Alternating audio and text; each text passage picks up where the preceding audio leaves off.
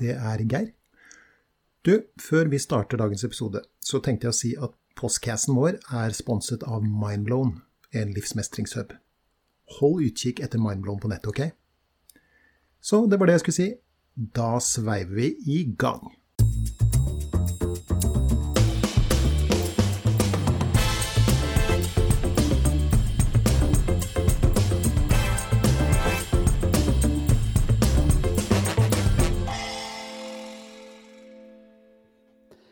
Bam, ba, ba!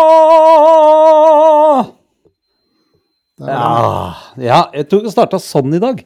Ja. Eh, fordi at eh, det er jo et lite jubileum. Det er jo det. Det er episode 70 av uh, uh, postcasten vår. Podcasten. Du lytter altså til podkasten Gi litt mer faen.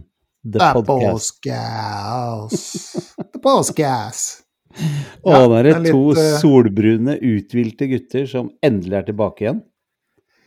Ja, det har vært en eh, lang sommer uten podkastinnspilling. Har Ja, du savna det gått, jeg skulle akkurat spørre har det gått utover humøret ditt? Ja, jeg har savna det. Ja, det har jeg også. Eh, Og andre har savna det. Vi har fått eh, meldinger som sier nå må dere hute dere tilbake, gutta. Det Det har jeg fått melding om òg. Ja, det, er ikke, det er grenser for hvor lenge dere kan sommerføre, liksom. Ja.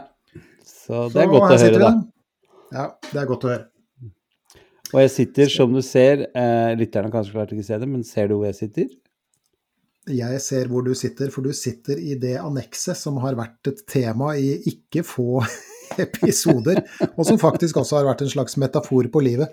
Og Ja. der sitter du som en konge, gitt, og Ikke helt fruktene. ferdig, men, eh, men, men veldig nære nok til at nå er jeg inne, jeg har fått opp eh, gardiner, det er kanskje litt sånn ekko her enda, fordi jeg mangler en vegg, Ja, eh, en, ja. eh, en lett vegg inne.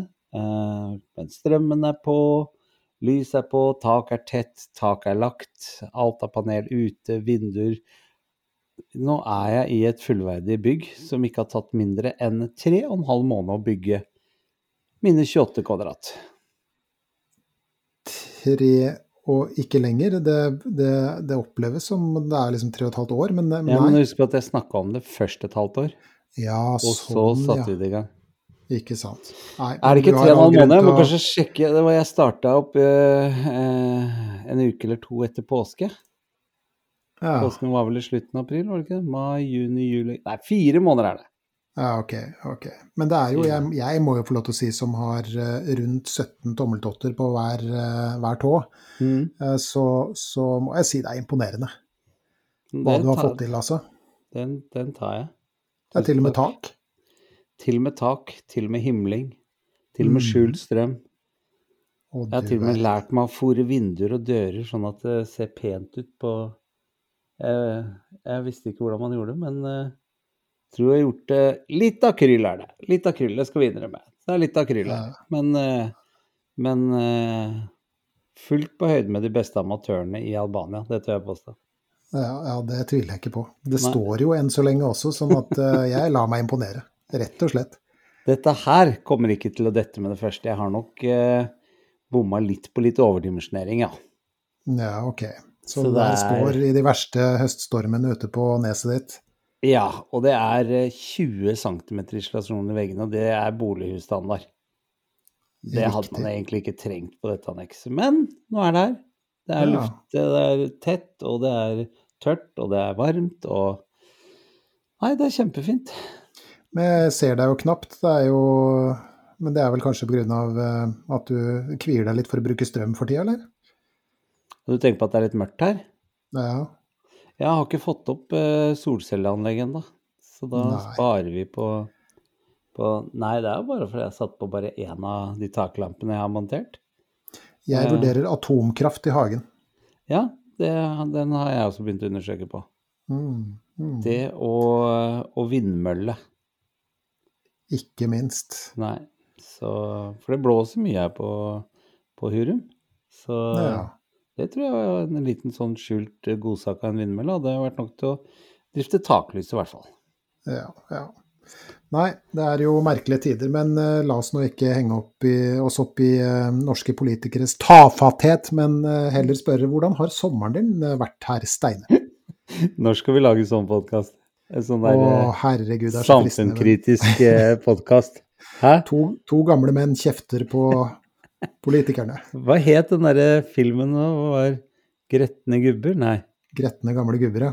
Ja. Hvem var det igjen? Det var han Nei, drit i det. Ja, ja, samme. Men vi kunne Men ha lagd det. Det, så det, det kunne podkasten het òg. Ikke gamle gubber, men gretne gubber i middelalderen. Det hørtes ut som en litt sånn historisk podkast. Så gretne middelaldrende gubber, kanskje. Det var egentlig det jeg tenkte på, men du skjønte hva jeg mente. Ja, jeg skjønte hva du mente. Når du spør Men om da- sommeren, Ja, helt marvelous. marvelous, du. Du. Helt fantastisk. Nå hørtes det ut som Sophie Elise, men greit nok. Hva, Ja. hva er det som har gjort den marvelous, da? Jeg har ikke reist noen steder. Mhm. Jeg har ikke måttet stresse noen steder. Jeg har vært her på Hurum, vært ute med båt, vært i skauen, har fått meg valp. Det har du Eh, også. Ja. Spist moreller til jeg ligger på gressplena her i bue. Eh, nå er pærene her. Plommer, epler. Klippa hekk, eh, plen, snekra, malt. Nei, jeg har hatt verdens beste sommer. Og alle disse som har lagd ut eh, endelig sydenferie og ha! Vært der nede og svetta i hjel i 40, bare 40 grader. Be my guest. Ja. ja, jeg eh, sogner jo til uh, sistnevnte. Det gjør du. Jeg var faktisk ikke misunnelig på deg på én eneste av de 311 snapsene du sendte fra, fra Nei, jeg, jeg, jeg personlig syns jo det var eh, noe av en lise for sjelen. Og, og litt smått eh, Hva skal vi kalle det? Forstemmende å lande i 16 grader eller sånt da vi kom tilbake. Vi hadde 42 grader, faktisk. Um, da vi var på en liten bytur i Valencia. Ja. Det var som å bli føna i trynet. Jeg har aldri opplevd at øynene mine har tørka ut før, men det gjorde de da. Det Og det var, syns du er eh, deilig? Ja, det er eh, deilig. Så lenge man uh, inntar nok uh, væske, så, så går det fint. Ja. Det er, der ser du, der er vi forskjellige der òg, da. Ja, ja, ja. ja. Nei, takke seg til eh, den flotte sommeren som har vært her på Østlandet. ja. Det har vært helt eh, utrolig deilig. Spesielt uh, siste del av juli og hele august. Mhm. Jeg har, uh, jeg har fått masse påfyll av D-vitaminer. Det har du. Mm. Og er klar for høsten. Ja, fordi det skal bli eh, Det sier en ny vår, men for meg så skal det bli en ny høst. For jeg har bestemt meg nå for eh, for første gang i mitt liv å anstrenge meg det jeg kan for å være positiv til at det er høst. Eller til at høsten kommer. Hvilken strategi har du valgt der? Det er ikke vodka, håper jeg?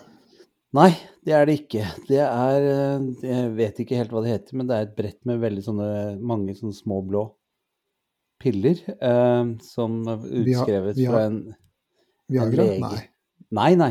Det her er eh, Dette her Jeg vet, jeg vet ikke hva de heter, men han legen jeg oppsøkte da i, i, i, i Kosovo, sa at dette her var bra for høst. Ja. Nei, jeg, jeg, nei, jeg har tenkt til eh, Fordi at i fjor høst så drev jeg jo kunne jeg nesten ikke bo i huset, for jeg drev jo bare reiv. Mm. Så nå har jeg tenkt til å suge på høstkaramellen med å fyre opp i den nye peisen. Jeg skal suge på som flyr med bikkjene i skauen uansett vær. Sykle. Eh, jeg skal stålsette meg for mørketiden. Jeg har eh, to ferieuker til gode. Vi vurderte jo faktisk om vi skulle dra ned til Tyrkia. Nå ser det ut som vi, eller jeg, slipper unna det. Mhm. Eh, så da skal jeg heller bruke de ferieukene. Da skal jeg opp på fjellet en helg eller noen dager. Og Mhm. Håpe på å møte på så jævlig dritvær som mulig. Og suge det til meg at jeg er, er slik en kar som er født og oppvokst i Norge, med, med vekslende vær. Aner jeg et snev av nasjonalromantikk? Ja. Det er ikke Ja. et snev heller. Nei. Jeg skal nyte det istedenfor å forbanne det. Jeg tror jeg Ja. kommer eh, Jeg har funnet opp en ny slogan som du kan ha på kjøleskapet hvis du har lyst til det. Hør på den Ja, kjør på. Kjør på. Det er ikke hvordan du har det, men hvordan du tar det. Ja, den, eh, den var jo ny. Den har jeg aldri hørt før. Jeg trodde du skulle kjøre et eller annet med klær og vær og sånn, ja, men eh, nei, det er jo en variant, tenker jeg. Ikke dum. Så eh, Så Men har du omfavnet positiv psykologi nå, eller? Nei, overhodet ikke. Er du gæren? Det er ikke det. Det er bare at Jeg kan jo ikke kontrollere hvilke tanker som kommer. Det her har vi diskutert ut i det blå. Eh, men jeg kan kontrollere mye oppmerksomhet jeg gir dem. Ja. Eh, Du kan så- ikke kontrollere høstværet, men eh, Nei, men jeg kan kontrollere Altså hvis jeg kommer masse sånn fy faen, høst er mørkt, fy faen, høst er dytt, fy faen, alt dør, alt blir, alt blir kaldt, surt, dør, faller til jorda. De tankene kan komme, men i, til forskjell fra de andre årene, så har jeg tenkt å ha en litt annen holdning til de tankene.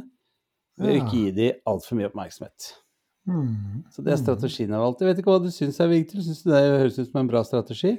Jeg må jo innrømme det, eh, tross alt. Eh, det høres jo ut som en eh, litt bedre måte å oppleve høsten på enn å gå og forbanne den, for høsten kommer jo uansett, så den er jo grei.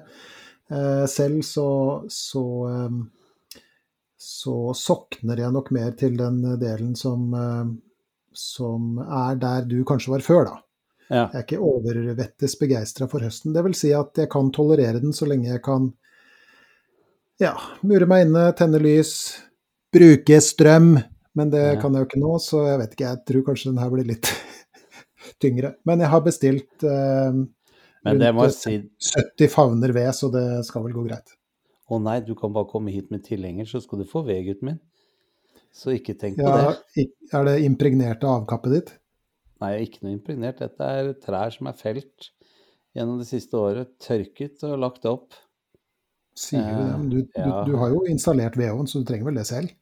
Nei, jeg har så mye ved nå at eh, Ja, det sier du nå. Og mer kommer Ja, men jeg Jeg har vært gjennom noen harde vintre i mitt liv, men den skal fader meg være blodhard, den, hvis jeg skal bruke opp den veden jeg har. For det, det er noen kubikk. Ja, Så ordentlig fimbulvinter, som de kalte det i gamle dager. Ja.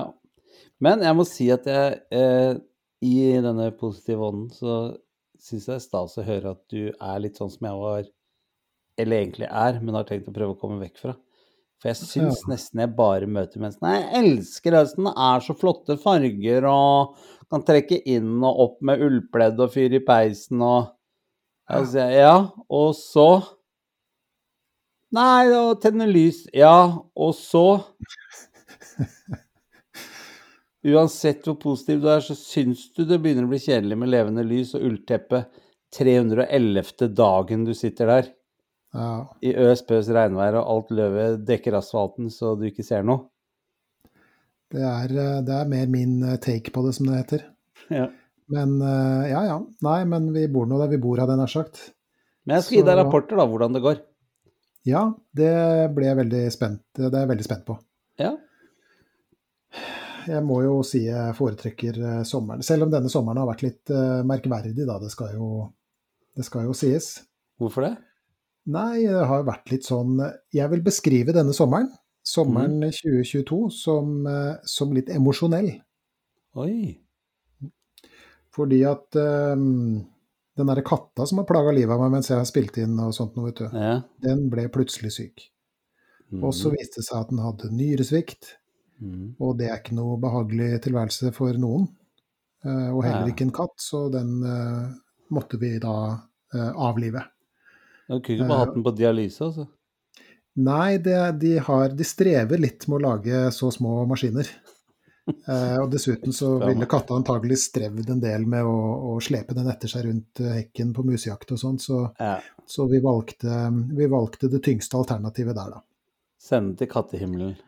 Vi sendte eh, Oskar til kattehimmelen, og det var jeg og min sønn som fikk den tunge oppgaven å dra Mm. den siste turen, da. Og jeg tror kanskje min sønn ble i hvert fall fire år eldre Ble inne, på, ja, inne hos den, eh, den dyrlegen. Det var en uh, Så den katta har jo har ansett min sønn som sin mor. uh, opp igjennom. Så, så Men han, han beit tenna sammen og, og, og holdt ut for kattas skyld da, og, og så på da den trakk sitt, sitt siste sukk. Så, og det er ganske må si jeg er litt sånn stolt av han for det, da. Han, eh, han kunne jo ha feiga ut og, og blitt hjemme og sånt, men det gjorde han ikke. Han eh, holdt den i labben og strøk den på hodet mens han, mens han eh, møtte sin skaper, da. Han er jo en tøff gardist, må man vite. Ja da, ja absolutt. Og så flytta jo dattera til Australia, vet du. Eh, Og det var jo ikke Altså, sånn som vi har snakka om i denne podkasten, så er det jo Det er noe dypt rørende ved å sende barn ut i verden. De skal møte verden, og de skal eh, møte vansker og motgang og medgang og andre mennesker og, så videre, ikke sant. Og, men likevel, når, når øyeblikket er der, ikke sant, og, og barnet står der med billetten i hånda og skal, skal til andre sida av jordkloden, så ja, nei, det, det er ikke bare bare. Eh, For mor og far, da. Men eh, det går bra. Det er litt sånn blanda greier, fordi du er både stolt og føler litt sånn oppgaven er i ferd med å fullføres. Samtidig som Mm. det er vanskelig å legge bort det beskyttelsesgenet og Mm. Ja, eh, engstelsesgenet og. Ja, I know. Jeg, eh, hun har dratt til Australia. Jeg husker min eldste Nei, første gang jeg opplevde det, Ei- Eirik, eh, yngste sønnen min, reiste på utveksling til USA. Da var han 16 år. Mm. Og vi skulle egentlig ikke se han før Han dro i juli, og vi skulle se han i mai. Mm. Og det lengste han har vært borte, var på overnatting hos kamerat, liksom, en leirskole i 7. klasse. ja. Og så reiste min eldste sønn til, til Uganda, alle steder, for å studere. Mhm. Som eh, eneste vestlig på et universitet med 5000 mennesker. Deriblant også en militærleir inne på campus. Så I know what you're talking sånn about. det. Ja. De valgte å løse det sånn i Uganda, ja. Ja. Ja, ja det var jo betryggende. Så, Eller ja, kanskje der, ikke. Der er, det, der er det ikke så lett med drop-out. Nei, ikke sant. Ja. Nei, det er, det er rart, det der. Og så er det jo sånn at altså jeg tror kanskje at Og det er mulig jeg generaliserer, og det er mulig jeg tar feil, jeg aner ikke, men, men jeg har i hvert fall et inntrykk da, av at kanskje vår foreldregenerasjon var litt sånn som du nå eh, eh, hentyder til at da liksom barna var ute, da var de ferdig med, med oppgaven. Mm. Men jeg vet ikke åssen det er med deg, men, men vi trenger jo på et vis foreldrene våre hele livet. Altså, jeg ringer jo min far hver julaften og spør åssen jeg skal steke den hersens ribba. Enda jeg kan steke ribbe. Men det er en sånn greie, da. Ikke sant? Ja. Eh, Så, så eh, Nei, er, eh, den jobben tar ikke slutt før vi ligger i, i, i pennalet, tenker jeg. Nei, og jeg skulle, hvis jeg kunne få drømme og bestemme alt for meg og mine og de ønsket det samme, så hadde det deiligste hadde vært å bo på en bondegård, alle generasjonene sammen. Det hadde vært Mm. definitivt det beste. Ja. Det hadde jeg syntes vært Men jeg, mine sønner og døtre deler ikke helt den ennå. De deler ikke den drømmen. Nei. Nei. Det er å dra dem ut av det urbane livet i Oslo, det, det tror jeg står langt, langt, langt, langt, langt unna deres visjoner for øyeblikket. Altså. Mm, ja, ja. Men man skal aldri si aldri, da, vet du. Med Nei. alt det som skjer nå, så kan det jo godt tenkes at en, eh, et småbruk med hele familien kan være det mest lønnsomme på sikt. Og Derfor skal jeg fortsette å bygge her på Hurum, da. Sant? Sånn Ja, ja, du skal huse- utvide til ordentlig sånn storgård. Nei, men jeg skal nok til at vi skal kunne huse flokken hvis det kniper ordentlig til. Mm. Det skal vi få til. Det er sikkert ikke det dummeste, det. Nei da. Med litt solcelle og egen brønn og septik og Ja, ja, ja, et nødaggregat stående, så Nei, dette skal vi klare. Har du begynt å sylte og salte pærer og plommer og sånt nå, eller eter du bare rett fra trærne og ligger der? Det- Foreløpig eter jeg alt rett fra trærne. Så, Ja. så, men det er ikke noe tvil om at en av de tingene som skal bygges i løpet av enten høsten eller veldig, veldig tidlig våren, det er på Mhm. en type et, eh, en liten grønnsakshage slash drivhus. Ja, ikke sant. Det, og det har mor lyst til også, så Det kunne vært en sånn fin greie å dyrke litt egne grønnsaker og salater og Mm. Mm. Så det kommer. Bra. Bra. En, eh, en ellers, da? Åssen er det med Ellers Eh, så er jo Jobber jeg jo fortsatt eh, på barnevernsinstitusjon. mm. Eh, oppdrag ute som eh, komiker slash foredragsholder slash konferansier mm. eh, har jo tatt seg veldig opp. Ja, er det, er det har, Begynner det å sprette tilbake fra covid, tenker du? Å ja. ja. Nå er det veldig ja, Jeg er veldig privilegert og har veldig mye forespørsler. Mm. Så Hva, hva går det mest i, da? Kan du si noe om det? det går veldig mye i eh, selskaper som skal som skal kicke i gang eh, de ansatte igjen og gjøre sosiale ting. Mm. Eh, ispedde, inspirerende, motiverende ting. Ja, ok. Så da har du behovet for alle dine kjøleskapsmagneter, da, eller? Tar de med, vet du. Nå er ikke nå har jeg skrevet ned på en blokk, så de, de sitter jo igjen på kjøleskapet. Men jeg tar de med, da, vet du. Og så Mm. lærer dem da at det er ikke f.eks. hvordan du har det med hvordan du tar det, og det går rett hjem, altså. ja, det kan jeg tenke meg. Ja, ok. Ja, bra. Bra. Du da? Du da, hvordan er det med ditt liv? Nei, eh, det er jo Det er jo eh, bra, det. Jeg kan ikke si annet. Og takk og pris. Det er greit, Eh, pleier du å si. Nei, jeg pleier å si at det er det man kan håpe på. At det er Mm. greit. Eh, og, og, og det er jo det jeg hva skal vi si, søker. At ting skal være, være greit og, og stabilt og sånn. Så, men eh, etter hvert som jeg blir eldre, så, så Jeg må jo få lov til å, å si Jeg vet ikke om det er interesse for noen i det hele tatt, men, men eh, jeg prøver å liksom utfordre meg selv litt, da. Jaha. Så jeg ga eh, Vegard eh, i, i fødselsdagspresang Ja, et eh, kajakkurs. ja Så det så jeg ja. bilde av. Ja, og det har Altså, jeg har ikke satt mine ben i norsk eh, fjordvann noensinne, omtrent, siden jeg var ti, eller noe i den retninga. Og der måtte vi jo rulle rundt, vet du, og redde hverandre og sånn som er. Og jeg trodde at det var bare sånn der på slutten. En sånn siste ilddåp eller vanndåp eller hva man skal kalle det. Men du verdens land, det var jo ikke annet. Det var plasking og rulling og sånn. Det var et evig langt mareritt. Men det ga jo litt sjøltillit og, og, og var jo ganske gøy. Ja, for du grua deg egentlig litt til den rullinga. Grua meg ikke bare litt heller. Nei. Det var eh, det, det, å, å henge opp ned eh, i, i iskaldt vann er liksom ikke min drømmesituasjon, da. Jeg liker mer sånn flytemadrass, kanskje en ja, brus i den ene hånda og den spanske solen som leker med mitt mandige bryst. Ikke Ja. sant? Men eh, nei, der hang jeg rett opp og ned i en norsk kur. Så det var eh, ikke spesielt gøy. Men det var gøy etterpå, som de sier. Men ja, har du blitt eh, hekta på dette? Så nå har dere kjøpt hver deres kajakk og Hekta er å, å strekke det langt. Det er ikke Ja. så mange som blir hekta på waterboarding, liksom. Det er ikke det? Men eh, nei, jeg tror ikke det.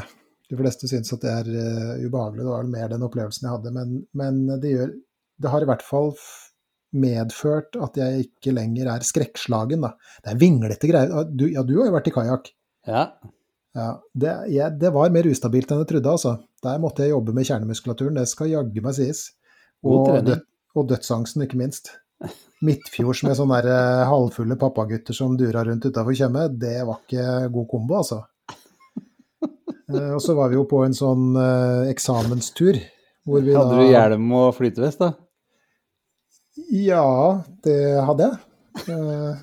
Har du ikke noen bilder av dette? Det må vi jo bare Nei, det finnes ikke. Det er eh, Jeg, jeg, eh, jeg gikk inn på slettmeg.no og fikk fjerna de bildene der, for de var ikke spesielt eh, gode. Men nei da. Det var hjelm og sikkerhetsbelte og, og airbag, og nei, det var full pakke.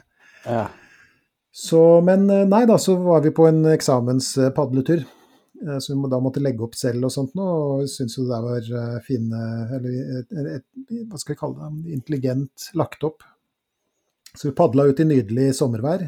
Det var Mm. eh, kanskje tre-fire sekundmeter og blikk stille, ikke sant. Og vi padla i Tjøme-skjærgården, og den er jo vakker. Og mye Mm. hytter og mye greier, da. Og alle var over seg av begeistring og pekte dit og dit, og det var selfier, og det var og Du aner ikke for en stemning. Så gikk vi land på en holme. Eh, satt der og snakka kajakk med han eh, altaværingen som eh, drev kurset, som for øvrig driver og padler kajakk i full storm utafor Færder så fort han får anledning. Så han er jo ikke helt god. Men, men vi satt nå der og jabba og spiste og sånt nå. Tror du ikke det blåste opp, gitt? 16 sekundmeter ble det. Motvind på vei hjem. Og jeg har aldri vært så nær Vår Herre som på vei tilbake der, altså. Da gikk det noen bønner eh, oppover. Fytti grisen. Nei, det var Men eh, nei da. Så det var en eh, Det var litt av en tur. Å, herregud, jeg skulle ønske jeg var der og Ja, det skulle du ønske. Du kunne lagd et helt show på bakgrunn av, av det opplegget der. Men det var lærerikt, det skal sies, da. Men Vegard likte det, da. Vegard, vet du. Hun Ja. padla jo, jeg, så nei da, hun går ikke av veien for noen ting. Så neste Slutt å skrike nå, Geir. Det er bare litt vann. Kom igjen nå. Ja, ja. Og Ta deg, ta deg sammen nå, sa hun. Vær litt mann. Ja, ja da.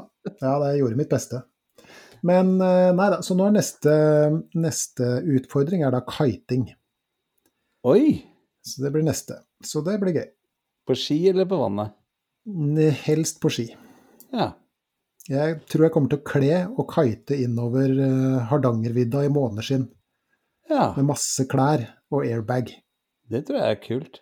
Ja, det tror jeg også er veldig kult. Det er veldig man, mange som nei, kiter her nede. Her nede Ja, altså i Drøbaksundet er det veldig Ja, det populært. Det er vindsurfere og kitere. ja, for vinden får vel litt ekstra fart inn gjennom uh, Ja, det ja. trange partiet er, der, antagelig. her er det bra trøkk. eh, Når det blåser opp av en 8-9 sekundmeter sønnavind her, så er det sånn at jeg skjønner ikke hvordan Color Line kommer seg fram. Nei. Um, men der er, og jeg har sett det og veldig kult, jeg har sett folk som kiter med sånn derre Hva er det heter? det, Sånn hydrofoil? Ja, ja, ja, ja. ja. Men sånn, ja, det har jeg sett. Det er helt de- psycho. Fy fader, så kult å se på. Ja, det er veldig kult. Jeg så jo en fyr i Spania, han hadde jo ikke kite engang. Han hadde, antagelig var det sånn elektrisk hydro- hydrofoil-brett. Ja, ja. Så han sto er der som en annen gjøk. Så ut som han sto med hendene i lomma, ja. og bare føyk Det er bare sånn fjernkontroll du har. Det kan du leie både ut på Ja, du kan leie det både ut på Villa Malla og på Holmsbu. Sier du det? Ja. Spesielt. ja, altså det er ikke store farta de skal ha før de løftes opp en meter over vannet heller. Ja, ikke sant? Og det suser jo av gårde, liksom. Ja. Ja, nei, det er for spesielt interesserte, tror jeg, da. Men eh, skal nå i hvert fall Man må prøve seg litt. Det, det livet her er ikke så Det er ikke så langt som vi tror. Sånn Jeg har eh, prøvd, jeg har prøvd noe Jeg skal ikke si at jeg har prøvd kiting, jeg ikke, men jeg husker en sommer vi tilbrakte eh, mange uker eh, nede på den danske kysten. mhm, Og der var det veldig populært med drager. Mhm. Og du fikk kjøpt større og større drager. Og jeg ble jo helt hekta på det, for det er jo helt rått når du står med en sånn kitedrage, for å si det sånn, da. Mm. Og, og det var jo helt sprøtt, for du kunne jo dra meg opp og så fly meg tre-fire meter bortover, liksom, bare dragen. Mm. Eh, så, og det å få akkurat den rette vinkelen, lese vind, det var veldig spennende og kult. Altså. Mhm. Mhm. De dragene ligger, fant jeg faktisk igjen her nå, så jeg har tre svære drager liggende i boden. Ja, Som jeg tar fram igjen og prøver. bra. Bra. Ja, nei, så det blir neste, neste trinn. Men Det var en halvtime tørrsnakk, det. Ja, det var det. Gud bedre. Det så jeg også. Jeg ble helt kaldsvett bare eller der, så at vi har prata en halvtime. Det var ikke meninga. Vi har jo faktisk også et uh, lite program, for vi har jo dette prosjektet gående. Ja. Uh, hvor vi da av en eller annen besynderlig grunn, ikke spør meg hvorfor, valgte å ta for oss eh, Jordan Petersens eh, tolv regler for livet. Mot, en motgift mot kaos, som det heter på norsk. ja. Vi var jo Har vi snakka om det? At Eller var det at, at vi var i, eh, i Oslo Spektrum? ja. Ja, OK, så vi har tatt en re recap, som det heter på norsk. Det har vi. Ja, OK, greit. Ja, men da, da trenger vi ikke å si noe mer om det. Men, eh, men eh, vi er altså da på, på regel nummer ti. mm. eh, som vi skal, og igjen etter fattig evne, forsøke å tråkle oss igjennom, for det her er jo du verden. Intrikate greier. Men tittelen er ganske enkel, Mm. og kort for en gangs skyld. Ja. Um, episodetittelen, eller hva heter det, kapitteltittelen, tittelen på kapitlet, er 'Formuler deg presist'. Ja. Du har jo eh, både lest og hørt eh, det her. ja. Får du noen tanker i hodet når du, når du hører uh, tittelen? Først så trodde jeg det egentlig bare dreide seg om at man måtte snakke korrekt og ikke våse i vei. Mhm. At man skulle være At man skulle si rett ut eh, de tingene man hadde lyst til å si. Og holde seg for god til å si ting som ikke var presist eller konsist. Eh, men det var jo spennende, for det her kapitlet dreide seg om mye mer enn å bare snakke korrekt. Det skal jammen meg sies. Ja.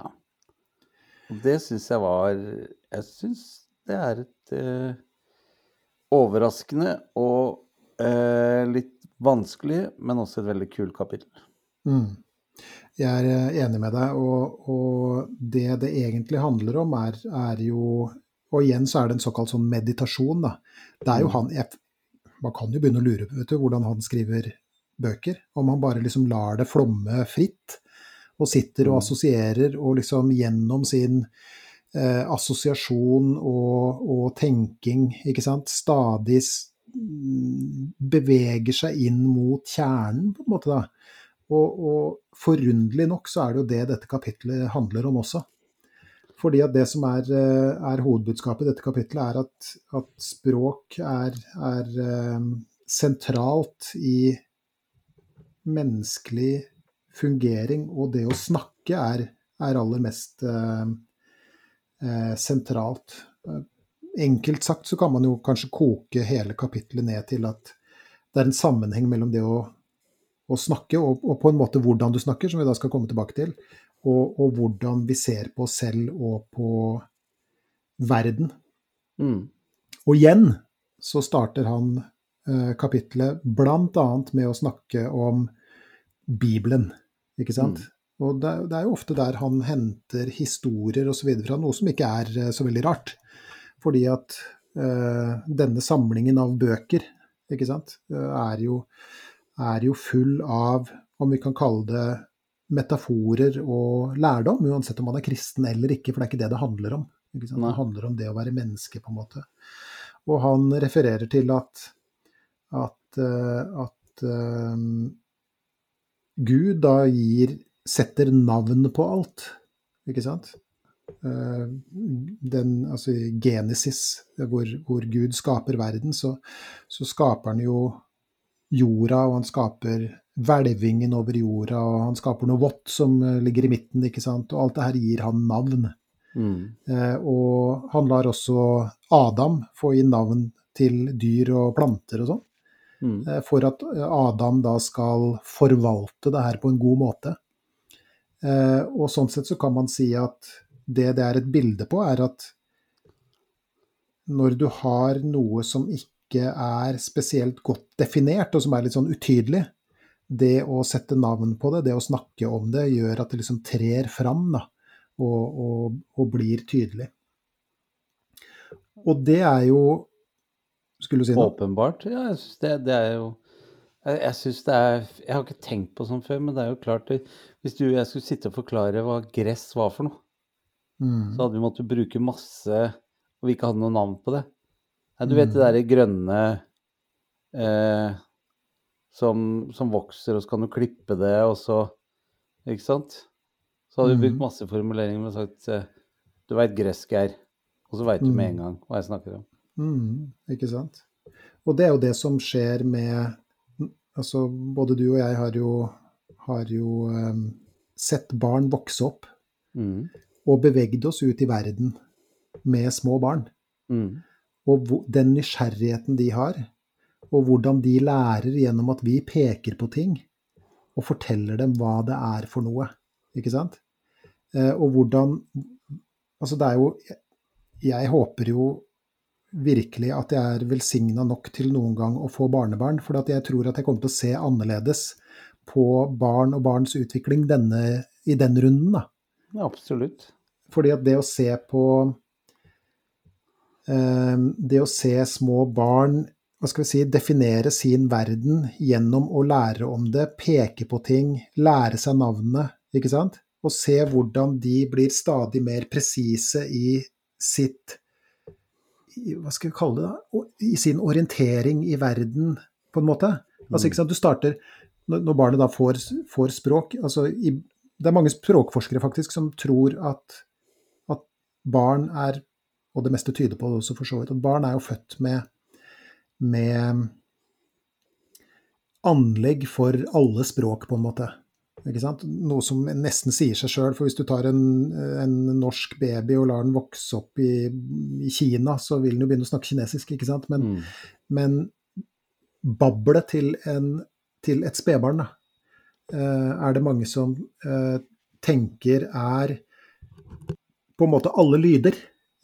Og at språk vokser fram gjennom at man Ikke at man lærer lyder, men at lyder plukkes bort.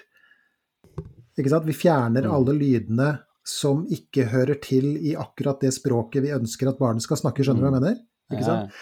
Og, og, når vi har kommet litt lenger enn det, så, så er jo barn ganske eh, upresise i sin begrepsbruk. De kan peke på en katt og si vov-vov. Ja. Ikke sant? Og det er fordi at det de ser, er et dyr med pels og fire bein. Ja. Ikke sant? Og så lærer de at nei, det er en hund. Ikke sant? Akkurat dette pelskledde dyret med fire bein er en hund. Ja. Det der borte, det er en katt, ikke sant. Og mm. så vil jo, sånn som han banditten du har inne hos deg nå, denne valpen din, ikke sant, så vil man da begynne, etter hvert å begynne å, å definere eh, undertyper av hund. Ikke sant? Forskjellige raser osv. da. Mm. Eh, og det vil da si at eh, barnet går fra en verden som er utydelig, og som er fullt av potensial, på en måte, til å bli stadig eh, mer presist og, og, på et vis mer sånn virkelig for barnet. Da. Mm. Barnet begynner å forstå verden bedre gjennom å bli stadig mer presis i sin språkbruk. Er du med på den tanken? Ja, veldig med. Og jeg opplever det litt som du, du nevner valpen som jeg har eh, liggende her sånn. Jeg har tenkt på det flere. Nå er jo han ti uker. Eh, og det er jo 14 år siden jeg hadde snart 14 år siden Kosmo var valp. Mm -hmm. Så det er veldig Kosmo er da den eldste hunden din? Det er eldste hunden min.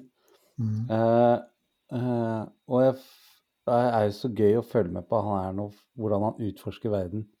Mm. Og høre på meg, hva jeg sier er greit og ikke greit hva som er farlig, ikke farlig.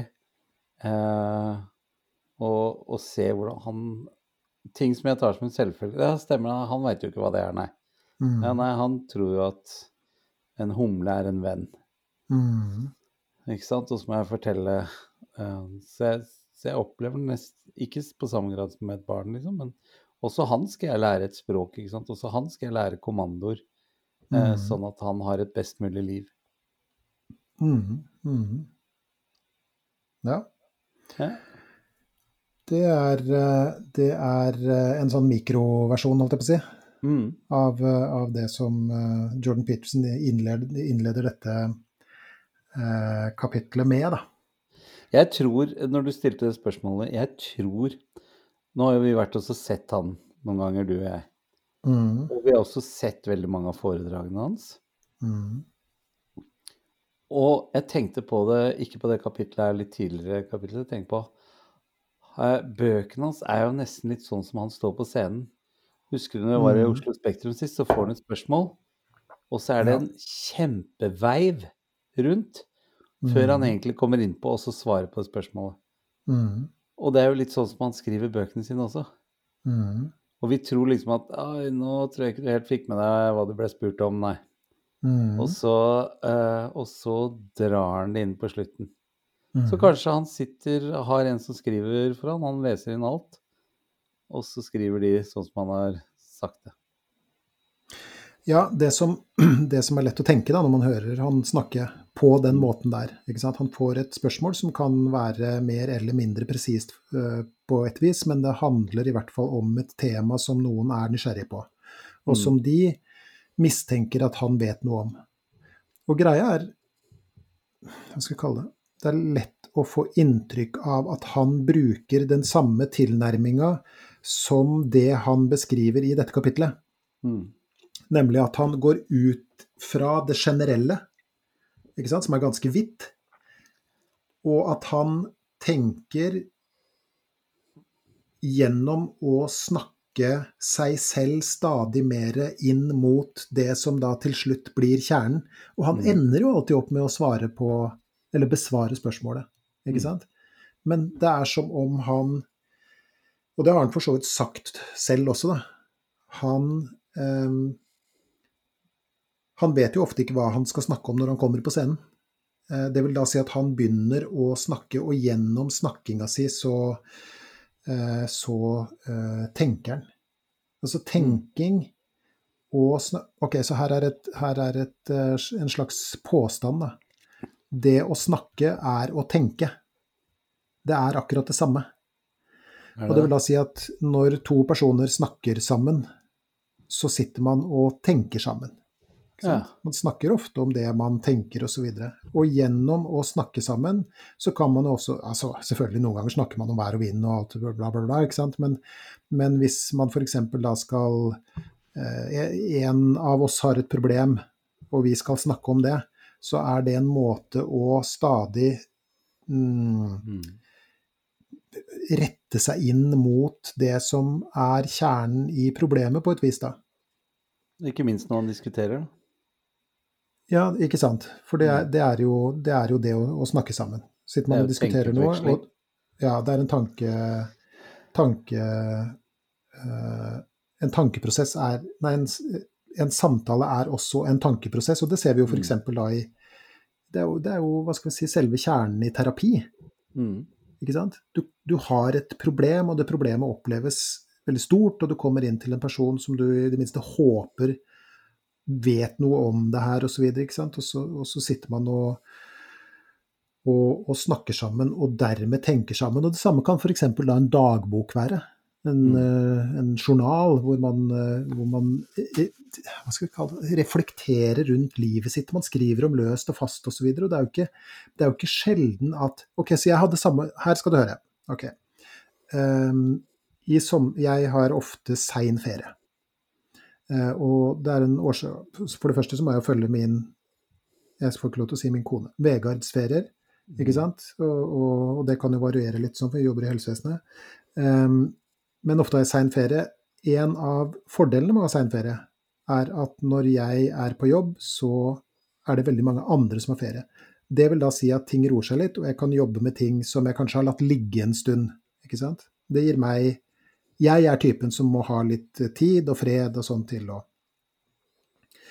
Og så har jeg da hatt et uh, problem som er knytta til uh, jobb, og jeg trenger ikke å gå noe sånn voldsomt inn på det, men det at jeg da fikk anledning til å tenke på det her, gjorde at løsninga plutselig begynte å utkrystallisere seg.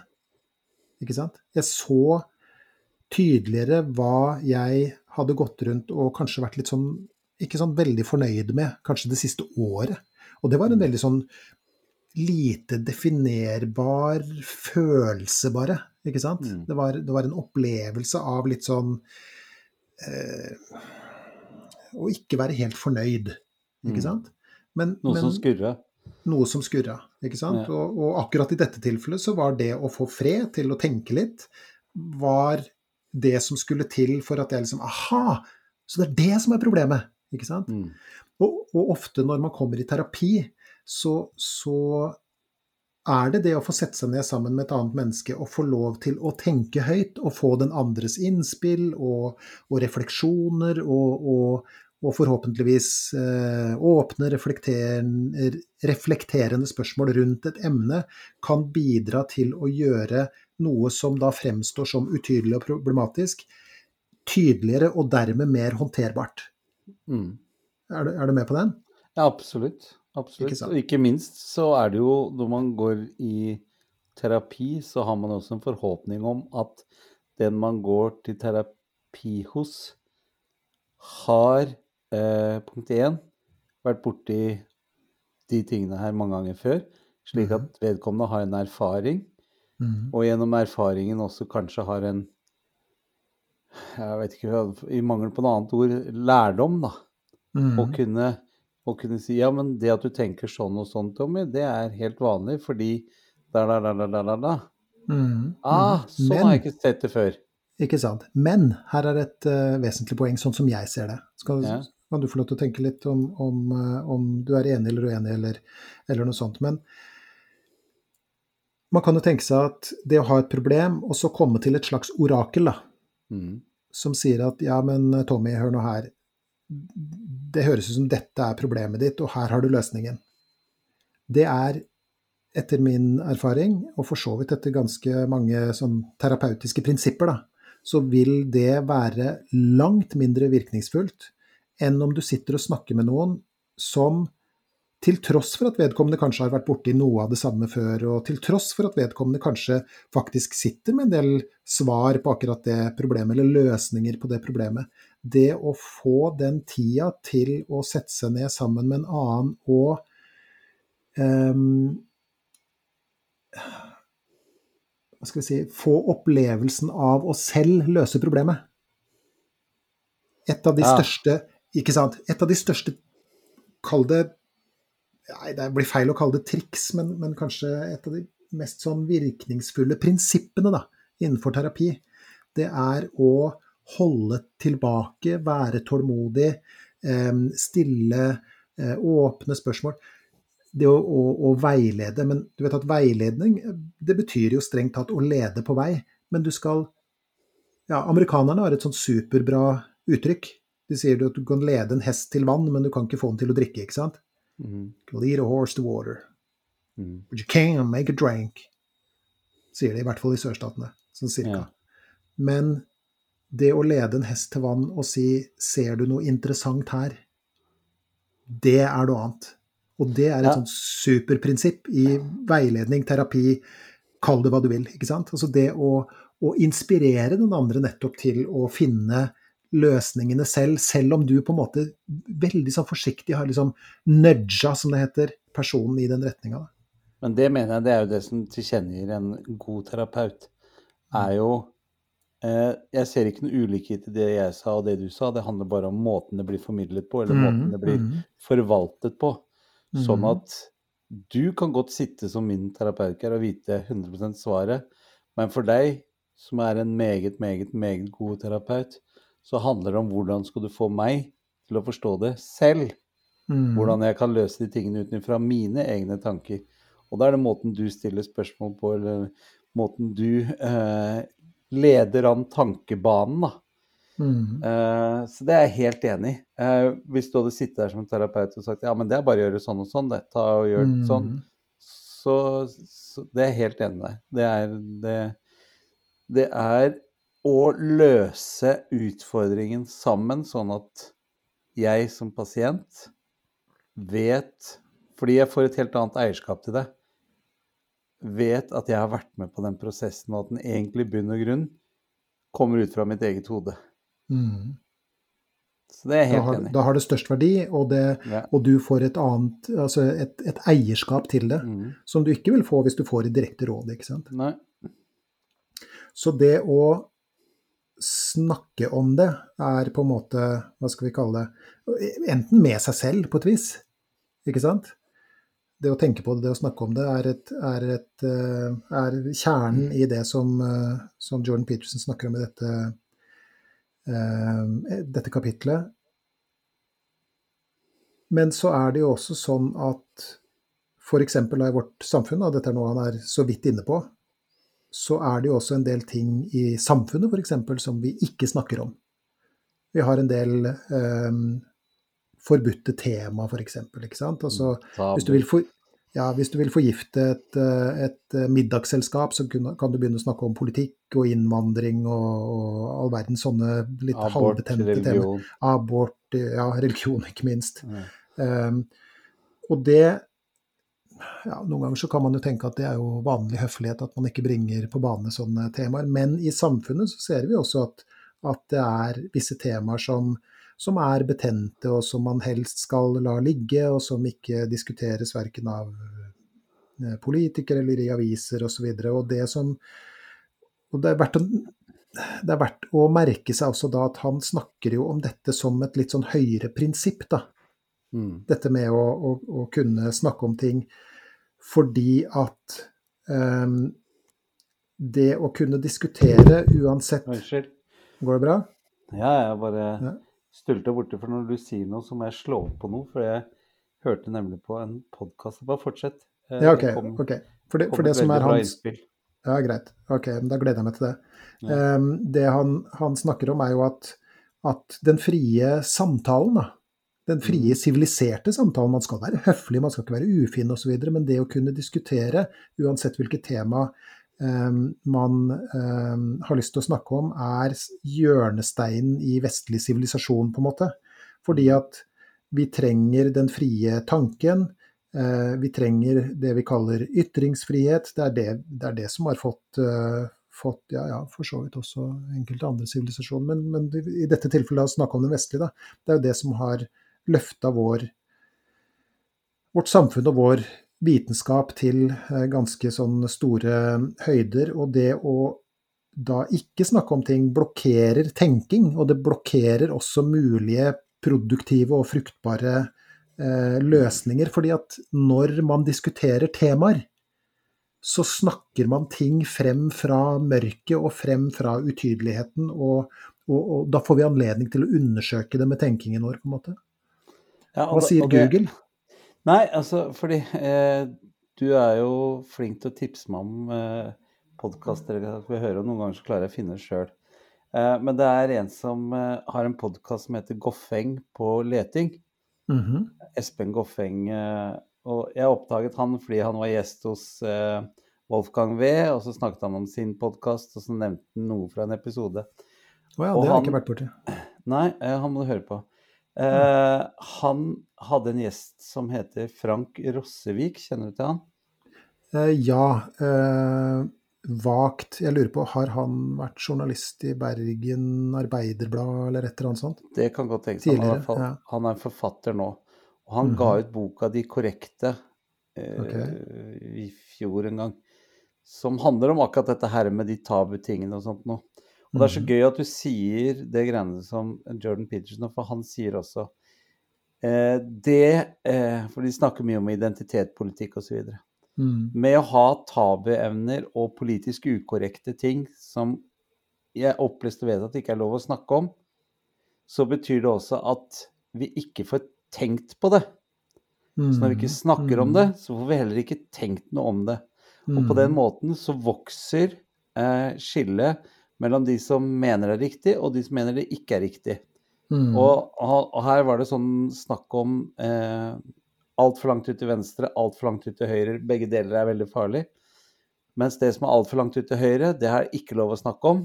Men det er ikke sånn langt ut til venstre. Mm. Og, u, og, den største, største faren for demokrati og ytringsfriheten vår med dette her snakker de om i boka. Og han er egentlig, tror jeg nok, litt ut på venstresida likevel. Ja, ja, absolutt. Ja, absolutt. Ja. Og han sa om den største faren med dette, med å kneble og eh, identitet eh, eh, Hva heter det Altså sette oss i, i ulike grupperinger ut ifra alder, rase, kjønn osv. Faren mm. med å at det skal være en liten elitegruppe som skal si det har du ikke lov å snakke om, det har du ikke lov å snakke om, det har du ikke lov å snakke om. Så sier de samtidig at dette her er det ikke lov å tenke om. Mm, mm. Og hvis vi slutter å tenke om de tingene, så er det grobunn for mye mer farlige ting mm. enn om vi tar det opp til dagsordenen. Typ mm. rasisme, typ innvandring, typ mm. eh, likestilling, eh, mm. transdebatten, ikke sant, og så videre og så videre. Så eh, det var kanskje en liten digresjon, men jeg bare syns det var så sammenfallende Nei, med det vi sier. Ja, ja, ja. Nei, det er på ingen måte en, en digresjon, fordi at det er jo det som er en av hva skal jeg si, prinsippene her. Da. Hvis vi, ok, greit, hvis vi kan kalle det um, det overordna prinsippet i, i, for så vidt det meste av det Jordan Peterson snakker om. Men, men kanskje i dette kapitlet spesielt, da, så er det jo det som løftes ut som himlingen ikke sant, over det han, eh, han snakker om. Altså den, den, ytringsfriheten og den frie tanken som vi eh, smykker oss med i, eller har smykka oss med da, i, i eh, Vesten. Mm. Og, altså det, det og, en, og et, en, del av det på en måte gir et ekko inn i, i dette med hva er f.eks. av poenget med å lære et barn språk? Lære det å lese? Eh, lære det å skrive? Lære det å snakke? Altså både lesing, skriving og snakking er et ledd i det å lære barn å tenke. Mm. Og reflektere. Få et språk. Ikke sant? Kunne formulere seg presist om noe man lurer på om verden ikke sant?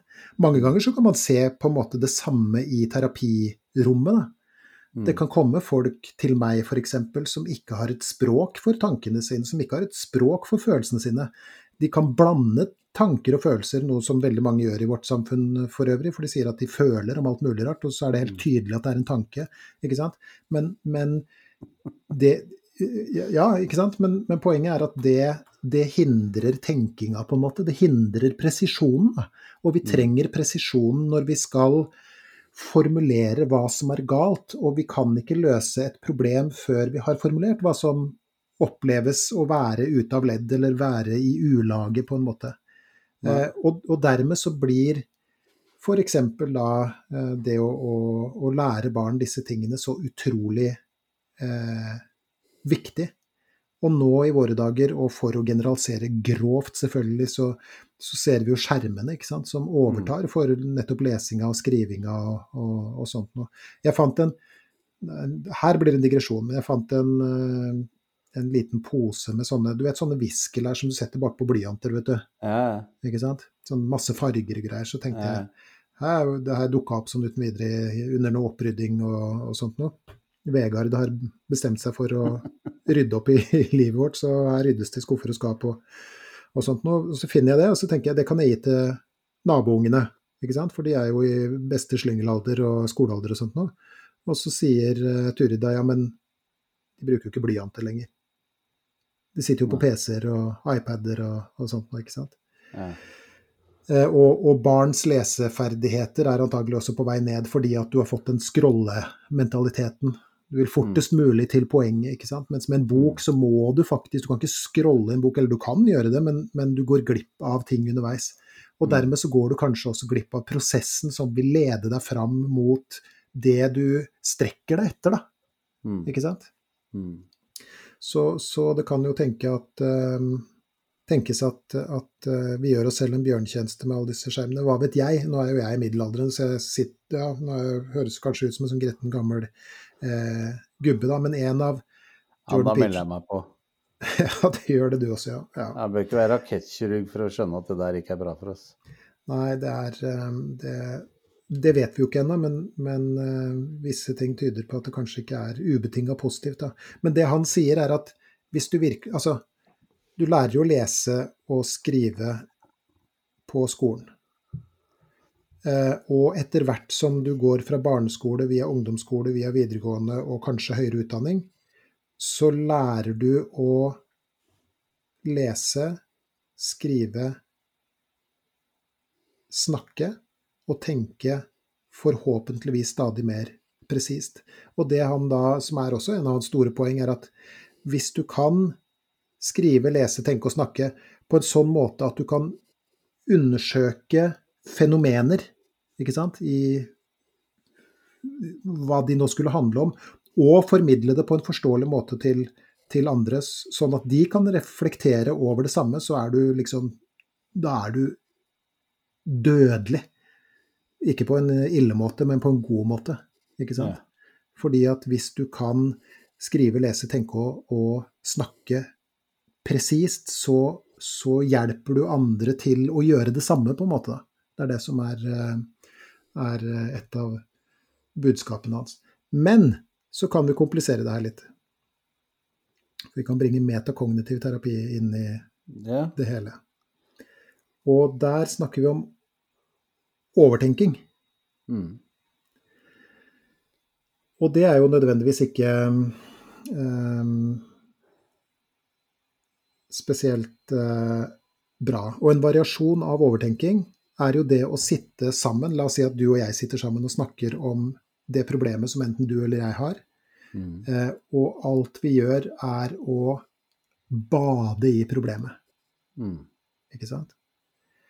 Men altså, det å snakke om problemer er dårlig og stressende, og der er det masse sexy forskning på og sånt nå. Det, Mm. Jeg kan kanskje legge ut noen, noen uh, lenker på det, jeg skal notere med det. Skal vi se.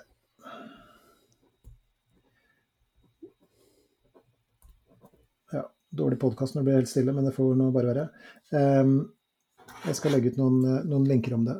Altså, det å, å, å ha en samtale, f.eks. oss imellom, Mm. hvor vi snakker om problemer, og vi snakker om de samme problemene igjen og igjen og igjen og igjen.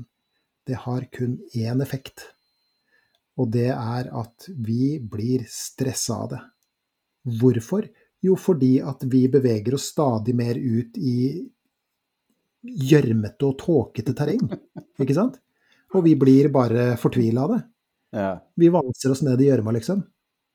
Men det å snakke om problemer er bra dersom vi er løsningsorienterte. Det er en helt annen effekt på oss, og, og hvis vi kan bruke det, det pene ordet psykofysiologisk, altså stressresponsen vår når vi er løsningsorienterte i en samtale, er en helt annen, og la oss kalle, i mangel av et bedre ord, kalle det lavere enn hvis vi stadig sitter og gnager på de samme problemene. Mm. Er du med på den? Jeg er veldig med på den. Og det vil da kjenner meg veldig godt igjen nå. Hvordan da? Nei, for det, eh, jeg er helt enig. Hva slags holdning har du når du begynner å snakke om problemet? Jeg, opp, jeg gjør det på jobben, jeg gjør det blant venner, jeg gjør det i familien. Og jeg kjenner på meg selv når jeg begynner å snakke om eh, et eller annet problem. Om dette snakker jeg om bare for å få aksept for at det er et problem, og at alle er helt enige om at det er et problem. Eller om jeg snakker om det for å prøve å komme fram til en løsning som drar meg ut av det problemet. Mm. Jeg kjenner det så godt på meg selv når jeg begynner å snakke om det. Og det er veldig lett, og det er veldig deilig noen ganger, og Jeg husker ikke hva det ordtaket er, det samme. Det der hvor du Hvor du snakker om eh, negative eller problemer bare for å kunne dulle med det. Mm. Skjønner du hva jeg mener? Det er Mm. bare Du veit med deg sjøl, og du veit med den andre du snakker om, at det her er ikke vi ute etter noen løsning, vi er bare ute etter en felles forståelse om at dette er et problem. Kos med misnøye. Det var akkurat den fader altså jeg leita etter. Ja. Ja. Kos med misnøye er på ett vis eh, en fin greie. Eller ja, på ett vis. Og det er at når du og jeg sitter og koser oss med misnøye, f.eks. over strømprisene, f.eks., da, norske politikere hvor dumme i huet de er og sånt, eh, så den, den gode bieffekten av det er at vi begge eh, anser dette for et problem, og vi er skjønt enige om løsningen. Det gjør at du og jeg føler oss eh, nærmere hverandre. I Mm. mer sånn samhold. Det er sånn inngruppe, utgruppe, liksom. Ikke sant? Mm. Vi har løsninga, de er dumme. Ja. Det vil da si at vi er inne i denne lille kretsen som virkelig skjønner noe, og så er de på utsida på et vis. da. Og det Ja. er en, det er en sånn Jeg kan kalle det nesten sånn sosial um, uh, Misforstå meg rett, god effekt av det å kose seg med misnøye. Men det at vi da sitter og snakker om eh, strømpriser på 10 kroner i kilowatten og, og sånt nå, det gjør jo strengt tatt at vi begge bare blir sure og grinte og frustrerte, ikke sant. Og Og det er det negative effekten. fokusen på det. Og opprettholde fokuset på det. Ikke sant? Mm. Og det er, det, det er jo det man forsøker å gjøre noe med i metakognitiv terapi, når man angriper fenomener som f.eks. grubling og bekymring. Mm. Fordi at det å, å gruble over det samme problemet igjen og igjen og igjen og igjen, dager, uker, måneder, år, ikke sant? det, det fører jo ikke noe steds hen, annet enn at vi blir lei oss og, og, og nedfor og frustrerte og stressa, ikke sant. Og det samme med, med bekymring. Det å få lov til å reflektere litt over det her, og, og, og vite, eller virkelig ta inn over seg, da, oppdage på en måte, at det er en forskjell på bekymring og det f.eks. da å planlegge eller forberede noe. Ikke sant? Um, og at det er en forskjell på grubling versus det å faktisk løse et problem, eller det å reflektere over noe. At det er en forskjell der. Det er jo super, uh, superviktig. Og det, her går vi jo skikkelig i dybden på, så du kan sikkert legge ut en lenk på det også. Vi har noen tidligere episoder som tar for seg dette med grubling og bekymringer i mm, hele, mm. hele en, Det er flere episoder faktisk hvor jeg har mm. snakket om forskjellige avarter av det. Mm, absolutt. Og, og, det er jo, hva skal vi si, mye av kjernen i det vi, vi har, uh, har snakka om i, nå i, i, 70 episoder. Da. Um, så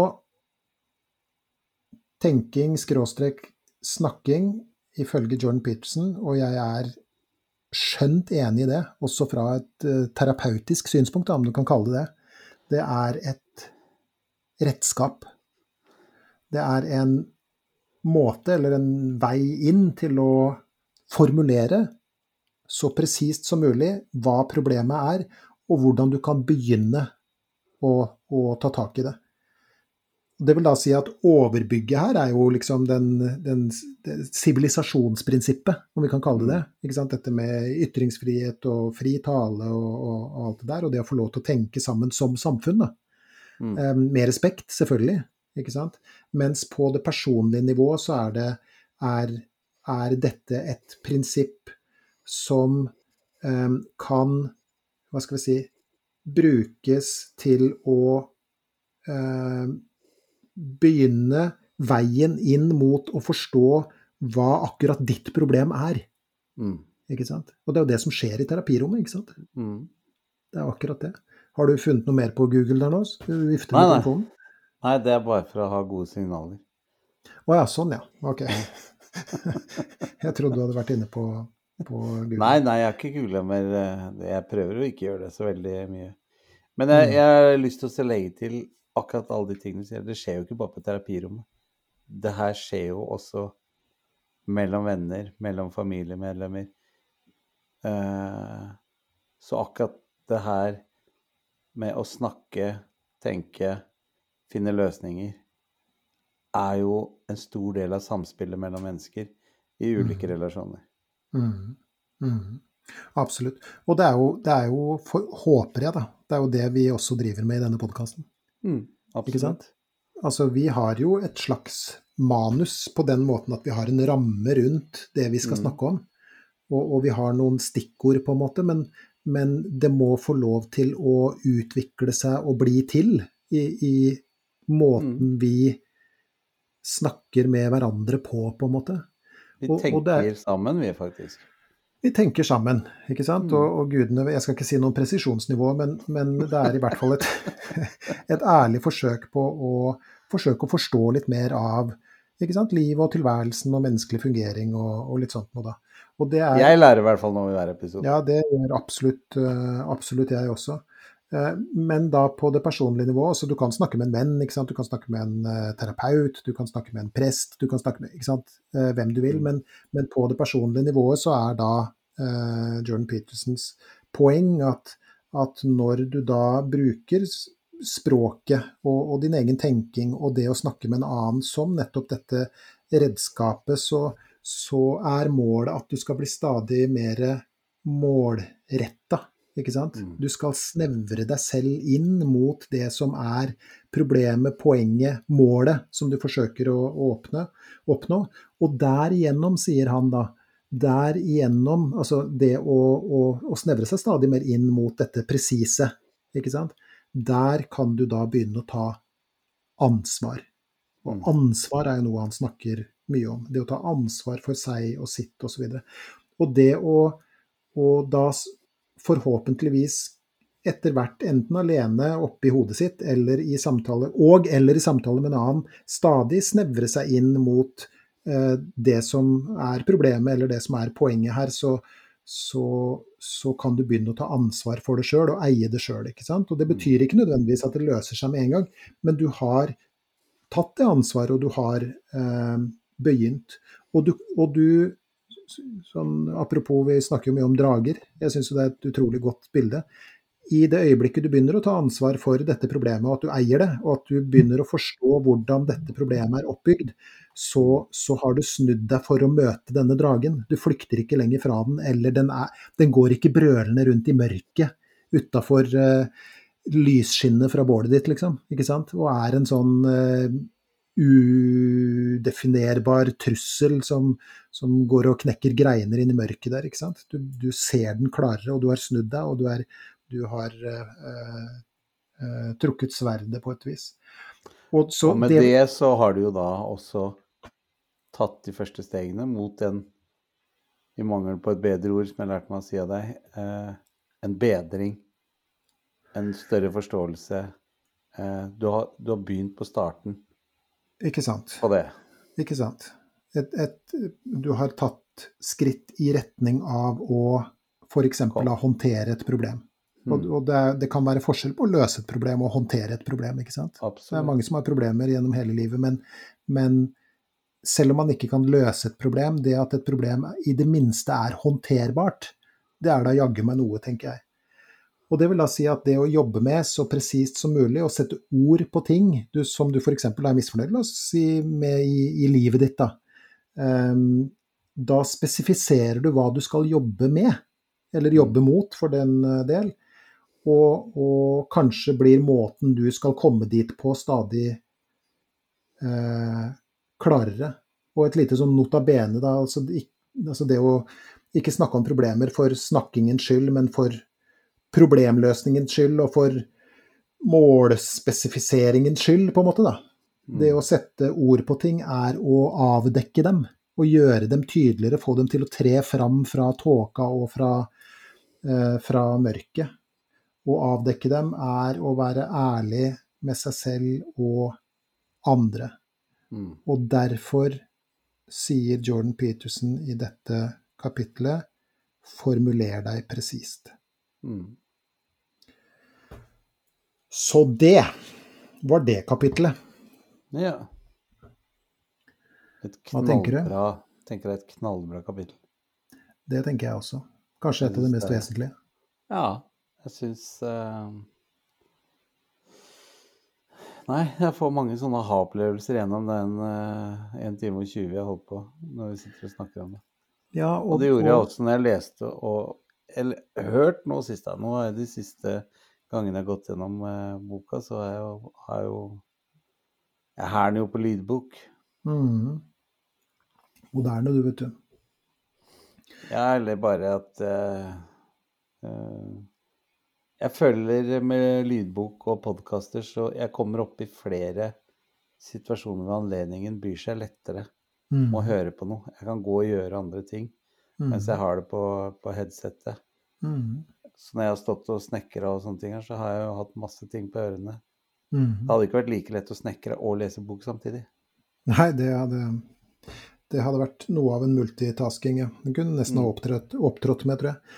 Men, men, det er jo ikke også Og jeg, jeg, er jo glad for at du sier aha-opplevelser, men, men, det er jo nødvendigvis ikke sånn at vi har aha-opplevelser um, støtt og stadig. Men det, å, det jeg ofte tenker, da, når jeg hører på podkaster Det trenger ikke å være Jordan Peterson, det, altså. Det kan være alt mulig rart.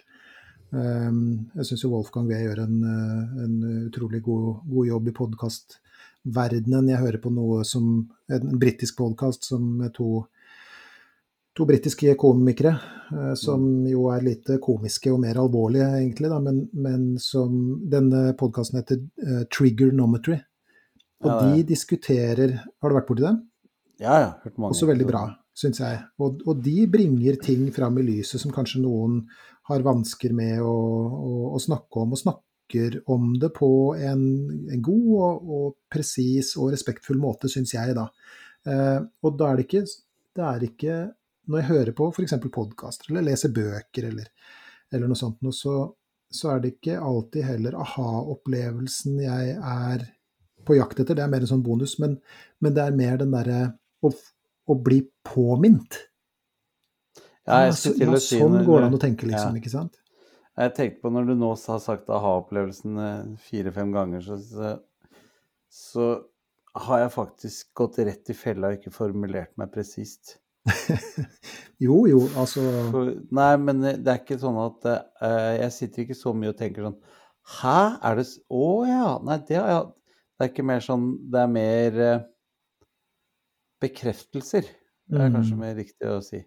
mm, Eh, bekreftelser, og sånn. Ja, så klart. Ja, sånn, ja. Ja, ja det, det makes sense, Mm, mm, som de sier Ja. på nynorsk.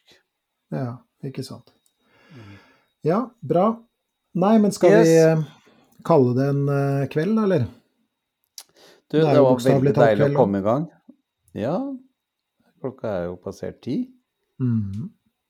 så jeg har gått av vakt i dag, så jeg er eh, veldig blid. Og veldig klar for noen dager fri. Ja, du er det, ja. Ja, jeg har jobbet eh, trippelt i helgen. Jeg har både vært på vakt og hatt forestilling i Nittedal. Og vært eh, speaker på flystevne på Notodden i hele går. Ja, Så, eh, så jeg følte at jeg jobba trippelt i helgen. Så derfor Mm. så syns jeg faktisk jeg fortjener å Skal jeg gå inn og så eh, legger meg på sofaen med min koronasyke kjæreste, samboer Linda. Igjen? Igjen. Ja. Smitta Det igjen. hjalp ikke vaksine. Ja, ok. Mm. Nei, men det er litt sånn akkurat den vaksinediskusjonen er ikke noe vits i å ta. For jeg tenker sånn, jeg fikk korona Jeg har faktisk hatt i sommer, det òg. Eh, så jeg fikk det til slutt, jeg også. Eh, en helt jævlig uke. Men eh, jeg tenker sånn, hadde jeg ikke tatt vaksinen, så kan det godt tenkes at jeg har to jævlige uker eller tre jævlige uker. Eller, Ja, ikke sant. sant? Så det veit man aldri. Så det, det Eller en jævlig på. måned på respirator eller noe sånt. Når Det skulle Ja. tatt seg ut.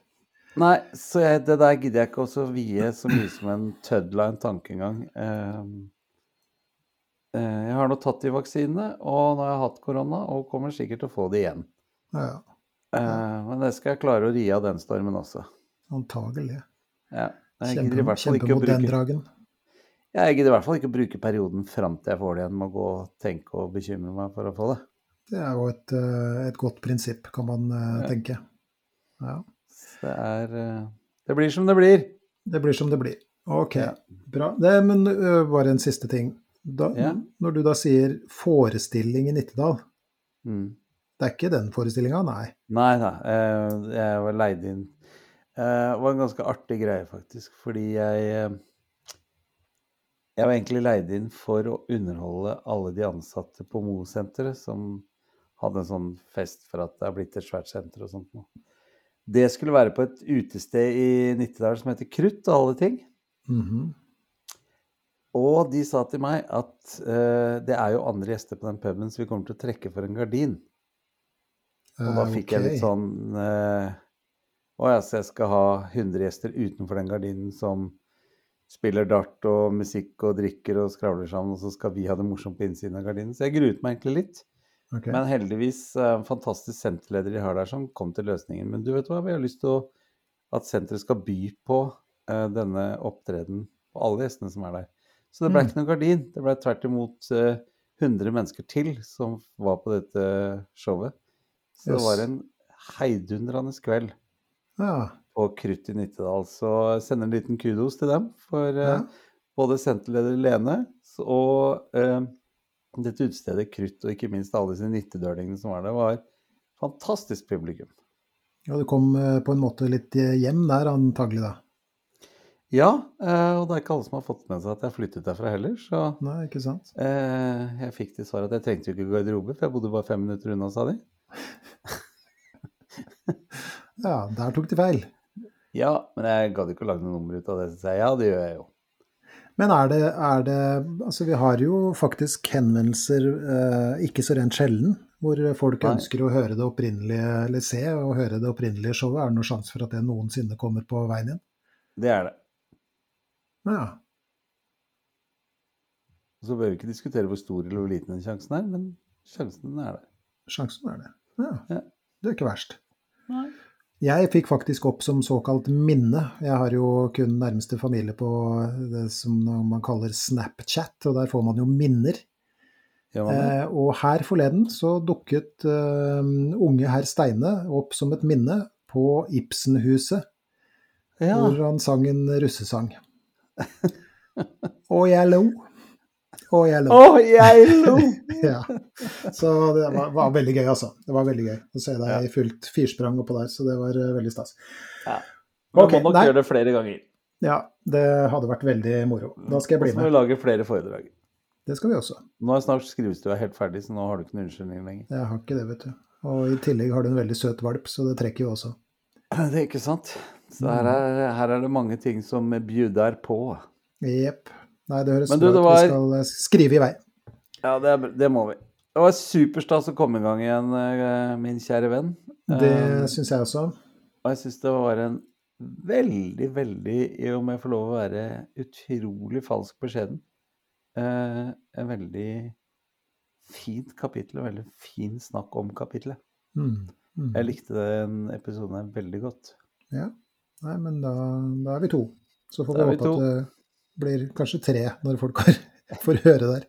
Vegard stemmer i, vet du. Vegard syns at det er stas, vet du, så det går bra. Og kanskje hører til og med datteren på helt på andre enden av eh, jordkloden, så en liten Da må hun sende, da må hun sende oss en mail hvis hun hører oss på andre siden av jorda, for da har vi nådd en ny milepæl. Ja, Selv i Australia hører folk på oss nå. Ja, ikke sant. Ja. Veldig bra. Nei, men du, hils flokken, og tusen takk. eh, Så snakkes vi snart igjen. Det gjør vi, og, og så kan jeg jo da konkludere med at vi har hatt så lang ferie at du ikke engang husker avslutninga vår. Nei, det har du helt rett i. Ja. Det, Skal vi ta, skal vi ta avslutninga, da? Vi må ta avslutningen. Ja, okay. men før vi avslutter, Geir. Ja. eh, Det kan jo tenkes at det er noen som har lyst til å si noe til oss, komme med forslag til noe. Eh, kanskje har eh, forslag til titt, eller temaer som vi kan ha fremover. Ikke minst. Ja, og da kan det, det er ofte Jeg syns ofte at det er de beste episodene. Hvor vi får et problem å tygge på. For da kan vi nemlig sitte og snakke sammen, og dermed tenke sammen. Det var veldig kloke ord. Vet du hva, den skal jeg skrive ned. Ja, du skal det. Ja, det skal jeg. Men hvis de skal sende oss dette her på da elektroniske posten, Mm. eh, eller hvordan kan folk sende noe til oss, egentlig? Nei, det er jo mange rare kanaler hvor henvendelser kommer inn. Det er jo både Instagram-kontoen, vi har meldinger der. Det har Mm. kommet noen meldinger inn nå som jeg ikke har fått svart på pga. Uh, sommerferie og, og jobboppstart. Men, men eh, hvis du er en av de som har sendt melding til oss og ennå ikke har fått svar, det, det får du. eh, og det hvert øyeblikk. Men, Rett rundt hjørnet. rett rundt hjørnet.